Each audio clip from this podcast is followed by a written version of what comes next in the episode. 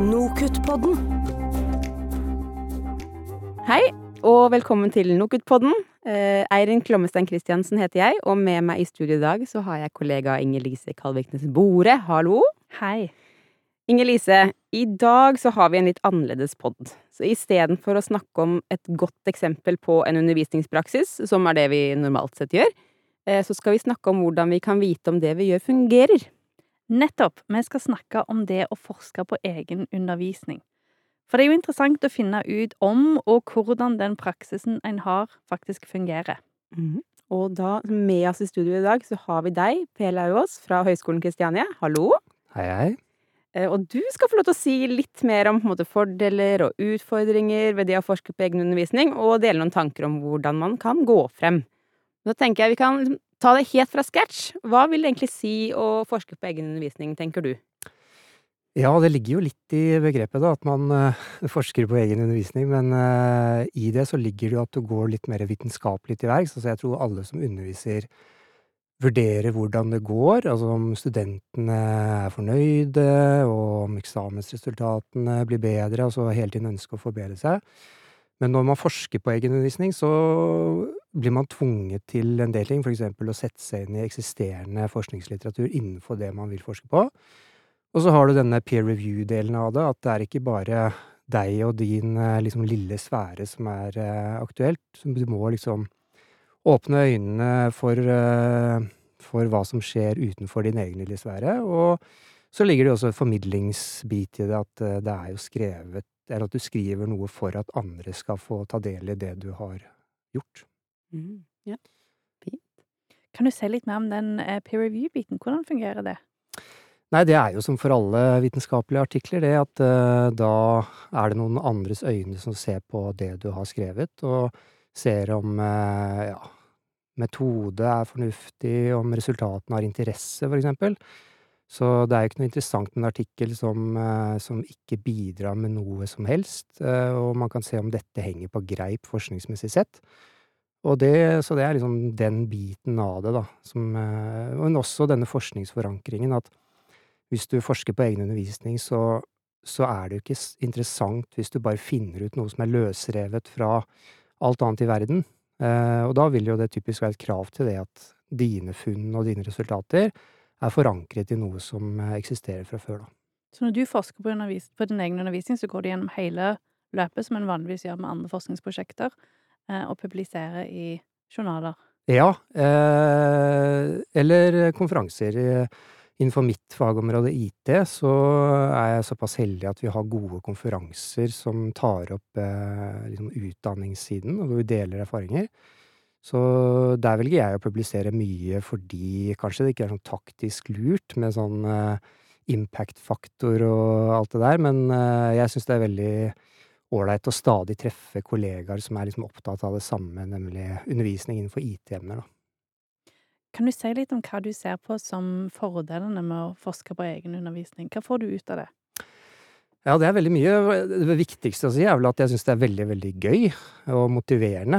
Eh, så det er ikke slik at jeg liksom tvinger meg gjennom det for å liksom få noen fordeler. Ja, liksom Men jo, jo, fordelene er jo typisk det at du lærer hele tiden mer om deg selv som underviser, og hvordan undervise de emnene du selv underviser. Så du lærer veldig mye. Og så ser jeg på det på sånn som veldig sånn hånd i hanske at du har noe forskningstid og noe undervisningstid.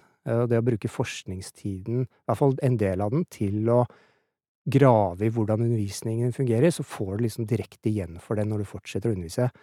Så jeg syns det er sånn veldig hånd i hanske at uh, man får brukt det til noe som du får bruk for liksom med en gang. Det syns jeg er veldig stas. Da må du kanskje også være litt mer på ballen på Som, som du sa, du må sette deg inn i den litteraturen og, og det forskning som allerede eksisterer. Eh, og du kan vel da kanskje også dra nytte av det direkte inn i eget arbeid, kanskje? Ja, det er det. For eh, som jeg nevnte i sted, så, så tror jeg de aller fleste er opptatt av å hele tiden utvikle seg, og at de neste kull med studenter skal kanskje få enda litt bedre undervisning eller gjøre det litt bedre. Men det er nettopp det, når du begynner å forske på det, så, så tvinger du deg til å lese. Å ja, hva er det andre har gjort? Og da liksom baller det på seg. Da kommer det flere ideer til hva du selv kan gjøre, og hvilke liksom, justeringer du skal gjøre. Så det syns jeg er et viktig element av altså, det å forske på egen undervisning. At du, du tvinger deg egentlig eh, til å se utover hva er det andre har gjort. Ikke sant? Hvordan har du, hvordan har du gått fram når du har forsket på din undervisning? Hva er det du har gjort? Ja, eh, veldig godt spørsmål. Eh, Jeg eh, begynte jo bare Altså, jeg har jo ikke da en ph.d., så jeg har jo ikke liksom den forskningsbakgrunnen som typisk de som er førsteamanuensis eller professorer har. Så jeg startet vel egentlig bare da med å, å sette i gang og, og hente data som ligger rett unna ne ne nesa mi, mer enn å liksom designe opp et studium i, i forkant. Eh, det er vel sånn jeg startet. Og så, og så lærte jeg jo mye underveis også, som vi snakket om i sted, denne review-prosessen. Da får du jo typisk sett om det du liksom starter å prøve ut, er eh, hensiktsmessig måte å jobbe på. Og da blir det at man lærer mer og mer underveis. Eh, og når du leser mer og mer, så ser du jo veldig mange andre studier du kan eh, lære av, og da, da blir det en sånn selvlæringsprosess egentlig på hvordan man går til verks. Mm. Har du noen konkrete eksempler på, på ting du har forska på, og funn du har gjort? Ja, jeg, jeg har egentlig forska på veldig mye rart. Jeg starter jo gjerne med å tenke hva jeg syns er mest interessant å finne ut av. For jeg syns det er veldig mye interessant innenfor undervisning. Det er mye mer enn det man har tid til. Så jeg starter gjerne med det, med hva er det jeg ønsker å finne ut av, eller prøve å se hvordan det fungerer. Og så, når det gjelder forskning på egenundervisning, så tenker jeg hvis dette skal bli et forskningsprosjekt, så, så må det være flere enn meg som syns dette er spennende. Altså, en ting er at jeg syns det er gøy og spennende, men hvis ingen, hvis dette ikke er relevant for noen andre, så er det ikke noe vits å begynne å tenke forskningsprosjekt ut av det. Og for min del så gjelder det egentlig veldig mange retninger innenfor undervisning. Eh, Det er liksom undervisningsformer, variasjon av disse, vurderingsformer. Og så liker jeg også å se på en litt sånn større kontekst. Eh, For eksempel eh, hva de som ansetter våre studenter ser etter når de ansetter. Det er jo ikke direkte liksom knyttet til undervisningen min, men mer undervisningstilbudet vi gir til studentene våre. Og det er jo veldig interessant eh, og relevant i en rolle som studieprogramleder eller programkoordinator eller noe sånt noe. Men så det er liksom veldig mange ulike retninger, da. Det jeg syns er mest spennende, egentlig, er vel eh, ledetråden min, da. Ikke sant? Hvordan bruker du de resultatene som du får? Eh, ja, det er jo I og med at det er mange, mange forskjellige typer prosjekter, så så er det jo altså Det kommer litt an på hva man ser etter. Altså, for eksempel ta det siste eksempelet først. Når vi så etter hva de, eh, de så etter, så var det jo å gå ut og intervjue bedrifter. Eh, og da er jo datamaterialet disse intervjuene. Eh, og så begynner man å lete etter liksom fellesnevnere i det de forteller oss, mer enn at man liksom har et sånt veldig strukturert intervju med akkurat hva man vil. Så går man mer ut og hører med dem, introduserer hva ser dere etter, og så penser man liksom eh, intervjuet inn i en retning ettersom man lærer underveis i, i intervjuene at det er visse ting som er spennende her, og hvis ikke disse snakker om det, så går vi litt i den retningen. Eh, akkurat i det tilfellet så, så var det veldig interessant, fordi vi trodde vi skulle få mye sånn de må kunne de og de språkene, eller de må kunne de og de teknologiene, noe jeg var veldig opptatt av som studieprogramleder, at vi må alltid liksom ha de relevante språkene og teknologiene i vår IT-utdanning. Men så hørte vi at det var jo ikke det som var mest interessant for dem. De ville ha engasjerte folk, eh, og som kunne samarbeide med andre. Det var det liksom fellesnevneren de snakket om. Og i visse tilfeller så måtte vi liksom hinte om ja, men hva med teknologier og sånn?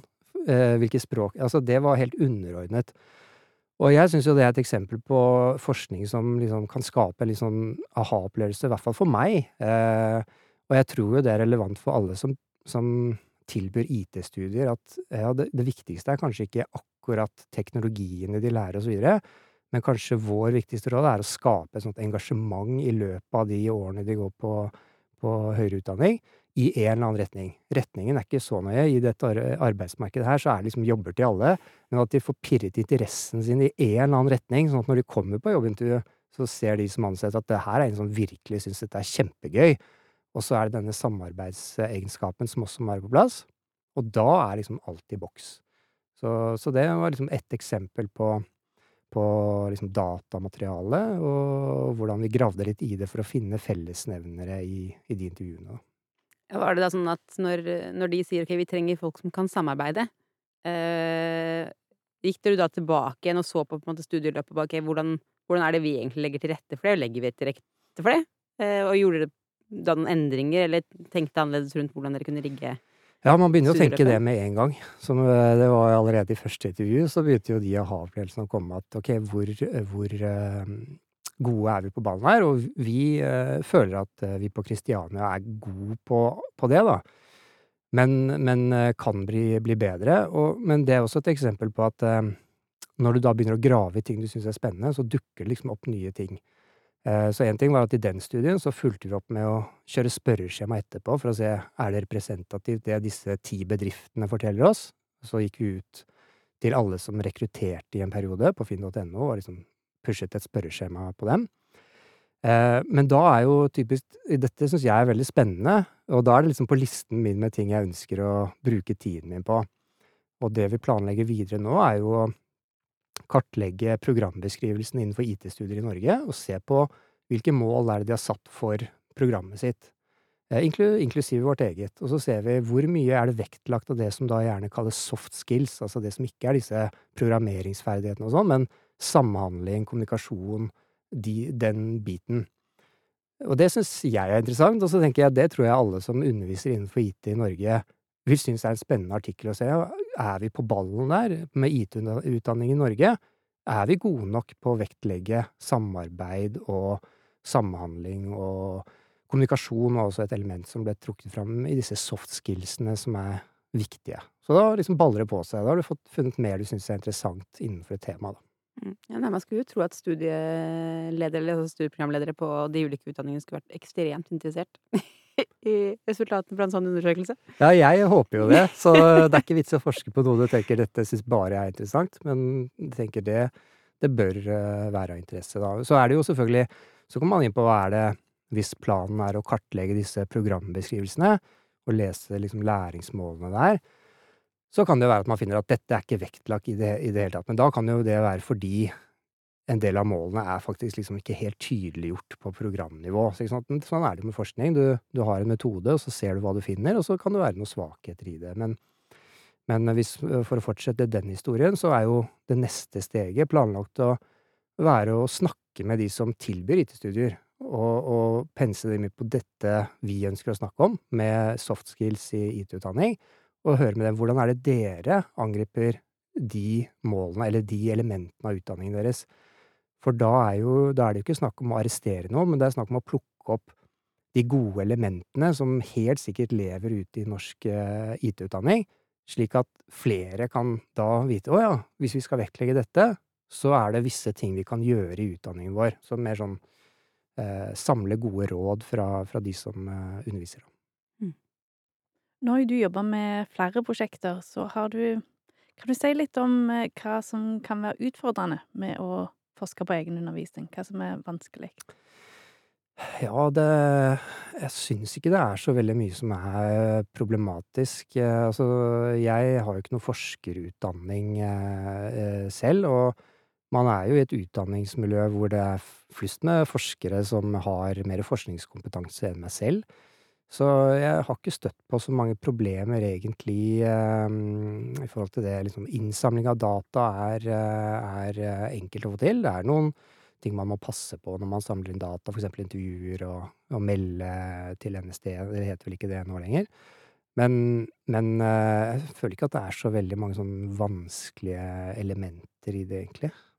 Det er vel kanskje en ganske sånn takknemlig altså, forskningsområde ved at altså, at liksom dataen ligger jo der, rett foran nesa på deg, på en måte. Studentene er der, og liksom kanskje mye av tallmaterialet knyttet til dem er lett tilgjengelig. Altså, det er ikke sånn at de Ja, du får ikke samme utfordring som mange møter med at de får ikke tilgang på altså, på de de skal forske på, da. Nei. Eh, På samme måte, kanskje. Nei, dataene er veldig lett til, eh, tilgjengelig, så det er egentlig veldig sånn lav terskel for å begynne å forske på undervisning, mener jeg, da. Eh, Så jeg håper flere vil eh, sette i gang etter å ha hørt denne podden, kanskje. Jeg vet ikke. Hvordan opplever studentene dine det? Eh, merker de at eh, du gjør undersøkelser, og at det kanskje skjer noe i studieprogrammet? Ja, til en viss grad. Jeg har jo fått inntrykk av at studenter, i hvert fall en del av studentene, er glad i at det liksom er noe nytt som skjer. Så sant, hvis man ønsker å gjøre noe nytt, så har du den delen av studentmassen liksom Å ja, nå, du, nå kan jeg prøve noe jeg ikke har prøvd før. Og da er det liksom spennende. Uh, og, og så har jeg aldri hatt problem med Det er veldig mange spørreundersøkelser ute og går, men jeg aldri Jeg underviser gjerne i store kull, og da er det liksom Da får man fort 100 svar på en spørreundersøkelse fordi man har liksom denne nærheten til studentene. Og det tror jeg Når de når du spør om noe som som de står i, altså de, du spør om det emnet de kanskje akkurat er ferdig med, eller som de er i, så, så har jeg inntrykk av at da, da blir de ofte med fordi liksom de, de, de, ja, de er midt oppi det, og mer enn en sånn undersøkelse som handler om noe litt sånn random eh, som de ikke er så interessert i, da. Jeg ser for meg at eh, det kan være noen som sitter og hører på og så tenker ja, men å forske på seg sjøl, det er jo ikke skikkelig forskning. Eh, har du noen eh, tanker om hvordan skeptikere kan tilnærme seg det å forske på egen undervisning? Ja, jeg må innrømme at jeg har aldri hørt noen si det, da, eh, så jeg har liksom ikke sett på det som noen stor problemstilling, eh, og stiller meg veldig undrende til det. Eh, for eh, jeg tror alle er opptatt av å liksom både utvikle seg selv som underviser, og at studentene skal få et litt bedre studietilbud hver gang, eller at emnet de er inne i skal gå litt bedre hver gang. Så jeg ser det bare som veldig sånn formålstjenlig, kan du si, da, å investere noe av eh, forskningstiden sin inn i nettopp det. Så, men jeg har ikke hørt Kanskje det er noen som sier det. Jeg har ikke hørt det sjøl. jeg kan tenke meg at det ville ha noe med nærhet til det du forsker på. At du er tett på det ja, sånn, egen ja. undervisning. Mm. Hvordan forholder du deg til det? Ja, nei, det er jo noe som typisk vil dukke opp i, i artiklene man skriver, da. Ikke sant? Der må du jo beskrive metoden du har eh, utført, og, og eh, for eksempel hvis det er intervjuer som blir foretatt, hvem er det de er eh, foretatt av? Jeg vil jo foretrekke å ikke intervjue mine egne studenter, for eksempel, nettopp for å skape den Hvis du, hvis du stiller, intervjuer spørsmål du har undervist, og stiller liksom spørsmål om hvordan undervisningen var, så er det jo klart da da er det litt sånn varsellampe som lyser. Eh, så det er jo å ta noen sånne strategiske valg i metoden, da, og si at eh, det er ikke hensiktsmessig at jeg intervjuer mine egne, men eh, jeg pleier ofte å, å samarbeide med andre knyttet til det. Så når jeg forsker på egen undervisning, så er det veldig sjelden alene. Og noe av det går på metode, metoden, at det er hensiktsmessig å ha noen som har en liten distanse. Men det andre er også for å få mere inn flere inn i liksom denne eh, tankegangen om å forske på egen undervisning. Eh, jeg ønsker liksom at flere kollegene skal på lasset, da. Eh, derfor hanker jeg gjerne inn noen kollegaer i prosjektene. Det hørtes ut som en lur måte å gjøre det på. Og ikke bare kolleger heller. Det kan være folk du treffer på konferanser eller tilsvarende, så det trenger ikke å være samme institusjon heller. Altså, har du noen eh, tips til andre som ønsker å, å, å begynne på, da, som ikke, er, som ikke har forska på egenundervisning, men som tenker sånn det hadde vært Det er litt spennende. Hva, hva har du tips? Hvor begynner man? Ja, nei, da går jeg tilbake til det jeg sa at uh, uh, man bør starte med det man syns er aller mest spennende. Uh, og sånne ting dukker opp hele tida. Eh, nå, for å snakke om akkurat i dag, det, dette kan jo bli utdatert, da, men eksempler på typisk ting som dukker opp som jeg syns er spennende, og hadde jeg hatt tid nå, så hadde jeg hoppet på det med en gang. Kanskje noen av de som hører på, gjør det. For eksempel nå var det forslag til en ny eh, lov som gjorde at det var eh, krav til to sensorer. Den ble jo utsatt, som dere vet. Men da dukket det opp masse spørsmål om typisk ja, hva gjør vi da, dette blir jo kjempedyrt, eh, skal vi begynne å innføre bestått, ikke bestått, for eksempel, kanskje i noen av de første kursene som er store, for å få liksom slippe den kjempekostnaden.